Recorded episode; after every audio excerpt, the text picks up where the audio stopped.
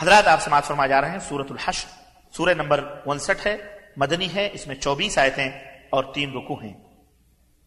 سورت کی دوسری آیت، هو الذي اخرج الذين كفروا من اهل الكتاب من ديارهم لاول الحشر۔ اس آیت میں حشر کا لفظ آیا ہے، یہی اس کا نام رکھ دیا گیا۔ ہے اس کا زمان نزول امام قرطبی کا قول ہے کہ یہ سورت تمام کے نزدیک مدنی ہے۔ بخاری، مسلم اور دیگر محدثین نے سعید ابن جبیر سے روایت کی ہے کہ میں نے عبداللہ ابن عباس رضی اللہ تعالی عنہما سے سورت الحشر کے بارے میں پوچھا تو انہوں نے کہا کہ یہ سورہ بنی نظیر ہے۔ یعنی یہ سورت انہی کے بارے میں نازل ہوئی تھی۔ تو لیجیے سماعت فرمائیے سورت الحشر۔ بسم اللہ الرحمن الرحیم۔ اللہ کے نام سے شروع جو بڑا مہربان نہایت رحم والا ہے۔ سبح لله ما في السماوات وما في الأرض وهو العزيز الحكيم. أرض و سماوات میں تمام مخلوق اللہ کی تسبیح کر رہی ہے اور وہی غالب ہے حکمت والا ہے۔ هو الذي أخرج الذين كفروا من أهل الكتاب من ديارهم لأول الحشر. ما ظننتم أن يخرجوا وظنوا أنهم مانعتهم حصونهم من الله فأتاهم الله من حيث لم يحتسبوا وقذف في قلوبهم الرعب يخربون بيوتهم بأيديهم وأيدي المؤمنين فاعتبروا يا أولي الأبصار وہی تو ہے جس نے پہلے ہی حملے میں اہل کتاب کافروں کو ان کے گھروں سے نکال باہر کیا۔ تمہیں یہ خیال بھی نہ تھا کہ وہ نکل جائیں گے۔ اور وہ یہ یقین کیے بیٹھے تھے کہ ان کے قلعے انہیں اللہ سے بچا لیں گے۔ مگر اللہ نے ایسے رخ سے انہیں آ لیا جس کا انہیں خیال بھی نہ تھا اور ان کے دلوں میں ایسا روب ڈال دیا کہ وہ خود ہی اپنے گھروں کو برباد کرنے لگے اور مسلمانوں کے ہاتھوں بھی کروانے لگے۔ بس اہل بصیرت عبرت حاصل کرو۔ ولولا أن كتب الله عليهم الجلاء لعذبهم في الدنيا ولهم في الآخرة عذاب النار۔ اور اگر اللہ نے ان کے حق میں جلا وطنی نہ لکھی ہوتی تو انہیں دنیا میں ہی شدید سزا دے دیتا اور آخرت میں تو ان کے لیے آگ کا عذاب ہے۔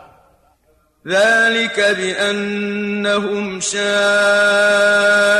الله ورسوله ومن يشاق الله فإن الله شديد العقاب. یہ اس لیے ہوا کہ انہوں نے اللہ اور رسول کی مخالفت کی اور جو اللہ کی مخالفت کرے تو اللہ انہیں سزا دینے میں بہت شدید ہے۔ ما قطعتم من لينة أو تركتموها قائمة على أصولها فبإذن الله وليخزي الفاسقين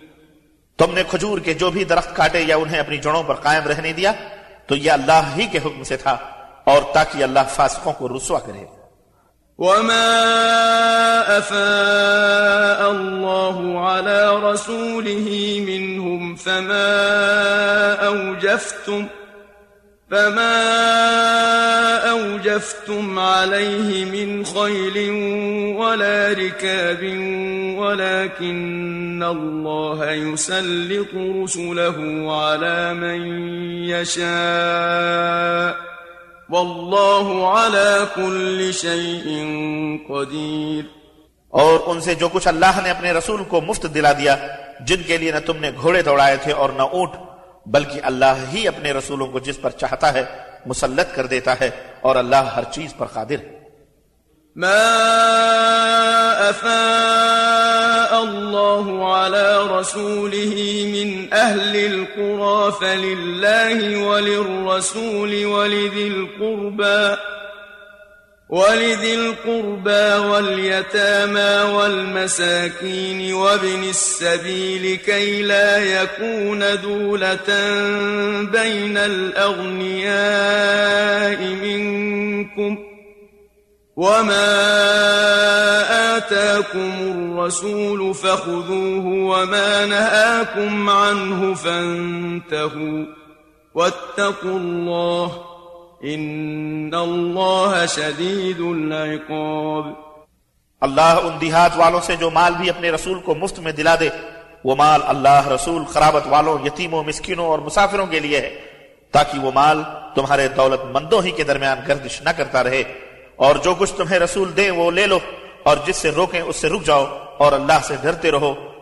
اللہ یقیناً سخت سزا دینے والا ہے للفقراء المهاجرين الذين أخرجوا من ديارهم وأموالهم يبتغون فضلا من الله ورضوانا يبتغون فضلا من الله ورضوانا وينصرون الله ورسوله.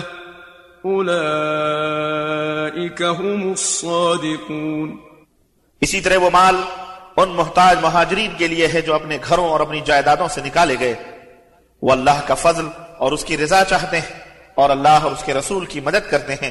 یہی لوگ سچے ہیں۔ والذين تبوأوا الدار والإيمان من قبلهم يحبون من هاجر إليهم ولا يجدون في صدورهم حاجة مما أوتوا ولا يجدون في صدورهم حاجة مما أوتوا ويؤثرون على أنفسهم ولو كان بهم خصاصة. ومن يوق شح نفسه فأولئك هم المفلحون.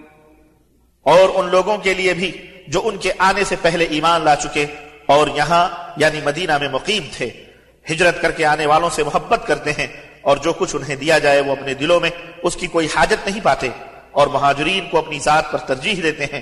خواہ خود فاقے سے ہوں اور جو شخص اپنے نفس کی حرص سے بچا لیا گیا تو ایسے ہی لوگ کامیاب ہیں والذين جاءوا من بعدهم يقولون ربنا اغفر لنا ولإخواننا الذين سبقونا بالإيمان ولا تجعل في قلوبنا غلاً ولا تجعل في قلوبنا غلا للذين آمنوا ربنا إنك رؤوف رحيم اور جو ان کے بعد آئیں گے اور کہیں گے، اے ہمارے رب، ہمیں بخش دے اور ہمارے ان بھائیوں کو بھی جو ہم سے پہلے ایمان لائے تھے اور جو لوگ ایمان لائے ہیں ان کے لیے ہمارے دلوں میں بغض نہ رہنے دے۔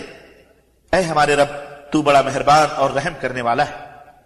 ألم تر إلى الذين نافقوا يقولون لإخوانهم الذين كفروا من أهل الكتاب لئن أخرجتم لنخرجن معكم ولا نطيع فيكم أحدا أبداً ولا نطيع فيكم أحدا أبدا وإن قوتلتم لننصرنكم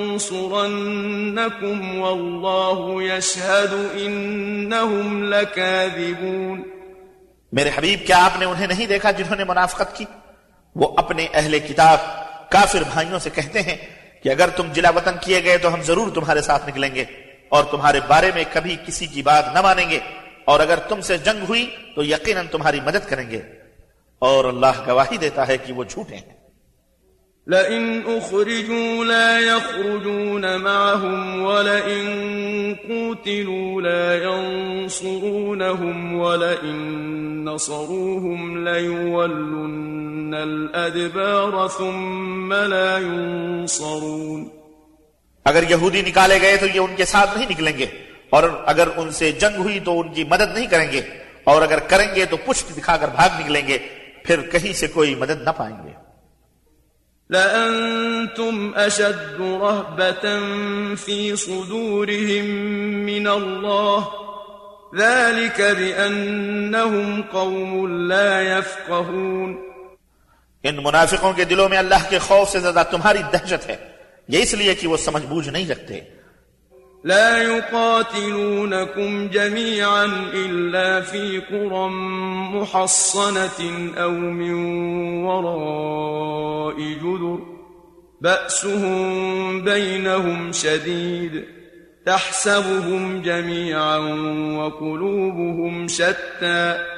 ذلك بأنهم قوم لا يعقلون. یہ اکٹھے ہو کر تم یعنی مسلمانوں سے جنگ نہیں کریں گے. اللہ یہ کہ قلعہ بند بستیوں میں بیٹھ کر یا دیواروں کے پیچھے چھپ کر جنگ کریں۔ ان کی آپس میں مخالفت شدید ہے۔ آپ انہیں متحد سمجھتے ہیں حالانکہ ان کے دل چھٹے ہوئے ہیں۔ یہ اس لیے کہ یہ لوگ بے عقل ہیں۔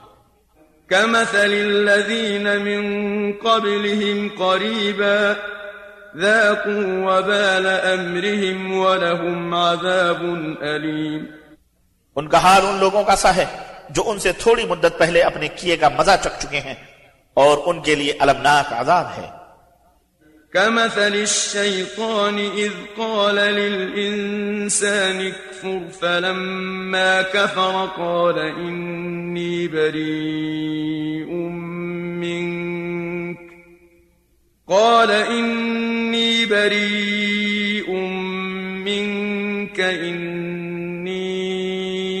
أخاف الله رب العالمين. ان کی مثال شیطان جیسی ہے کہ وہ انسان سے کہتا ہے کہ کفر کر۔ پھر جب وہ انسان کفر کرتا ہے تو کہتا ہے کہ میں تجھ سے بری ذمہ ہوں میں تو اللہ رب العالمین سے ڈرتا ہوں۔ فكان عاقبتهما أنهما في النار خالدين فيها وذلك جزاء الظالمين. پھر ان دونوں کا انجام یہ ہوگا کہ وہ ہمیشہ کے لیے جہنم میں رہیں اور یہی ظالموں کی سزا ہے۔ يا أيها الذين آمنوا اتقوا الله ولتنظر نفس ما قدمت لغد واتقوا الله إن الله خبير بما تعملون۔ اے ایمان والو اللہ سے ڈرو۔ اور ہر ایک کو یہ دیکھنا چاہیے کہ اس نے کل کے لیے کیا سامان کیا ہے۔ اور اللہ سے ڈرتے رہو۔ جو کچھ تم کرتے ہو اللہ تعالی یقیناً اس سے پوری طرح باخبر۔ ولا تكونوا كالذين نسوا الله فأنساهم أنفسهم أولئك هم الفاسقون۔ اور ان لوگوں کی طرح نہ ہو جانا جو اللہ کو بھول گئے تو اللہ نے انہیں ایسا بھلایا کہ وہ اپنے آپ کو بھی بھول گئے۔ یہی لوگ فاسق ہیں۔ لا يستوي أصحاب النار وأصحاب الجنة أصحاب الجنة هم الفائزون۔ اہل جہنم اور اہل جنت کبھی برابر نہیں ہو سکتے۔ اہل جنت ہی اصل میں کامیاب ہیں۔ لو أنزلنا هذا القرآن على جبل لرأيته خاشعا متصدعا من خشية الله وتلك الأمثال نضربها للناس لعلهم يتفكرون اگر ہم اس قرآن کو کسی پہاڑ پر نازل کرتے تو آپ دیکھتے کہ وہ اللہ کے خوف سے دبا جا رہا ہے اور پھٹا پڑتا ہے۔ اور یہ مثالیں ہم لوگوں کے سامنے اس لیے بیان کرتے ہیں کہ وہ غور و فکر کریں۔ هو الله الذي لا إله إلا هو عالم الغيب والشهادة. هو الرحمن الرحيم. وہ اللہ ہی ہے جس کے سوا کوئی الہ نہیں۔ وہ غائب اور حاضر ہر چیز کو جاننے والا ہے۔ وہ نہایت مہربان اور رحیم ہے۔ هو الله الذي لا إله إلا هو الملك القدوس السلام المؤمن المهيمن العزيز الجبار المتكبر. سبحان الله عما يشركون. وہ اللہ ہی ہے جس کے سوا کوئی الہ نہیں. وہ بادشاہ ہے پاک ذات ہے وہ سراسر سلامتی والا ہے امن دینے والا ہے نگہبان ہر چیز پر غالب، اپنا حکم بزور نافذ کرنے والا اور کبریائی والا ہے اور ان باتوں سے پاک ہے جو یہ لوگ اس کا شریک بناتے ہیں۔ هو الله الخالق البارئ المصور، له الأسماء الحسنى، يسبح له ما في السماوات والأرض، وهو العزيز الحكيم۔ وہ اللہ ہے جو تخلیق کرنے والا، سب کا موجد اور صورتیں ادا کرنے والا ہے۔ اس کے سب نام اچھے ہیں۔ ارض و سماوات میں جو ہے سب اس کی تسبیح کر رہے ہیں اور وہ زبردست ہے حکمت والا۔ ہے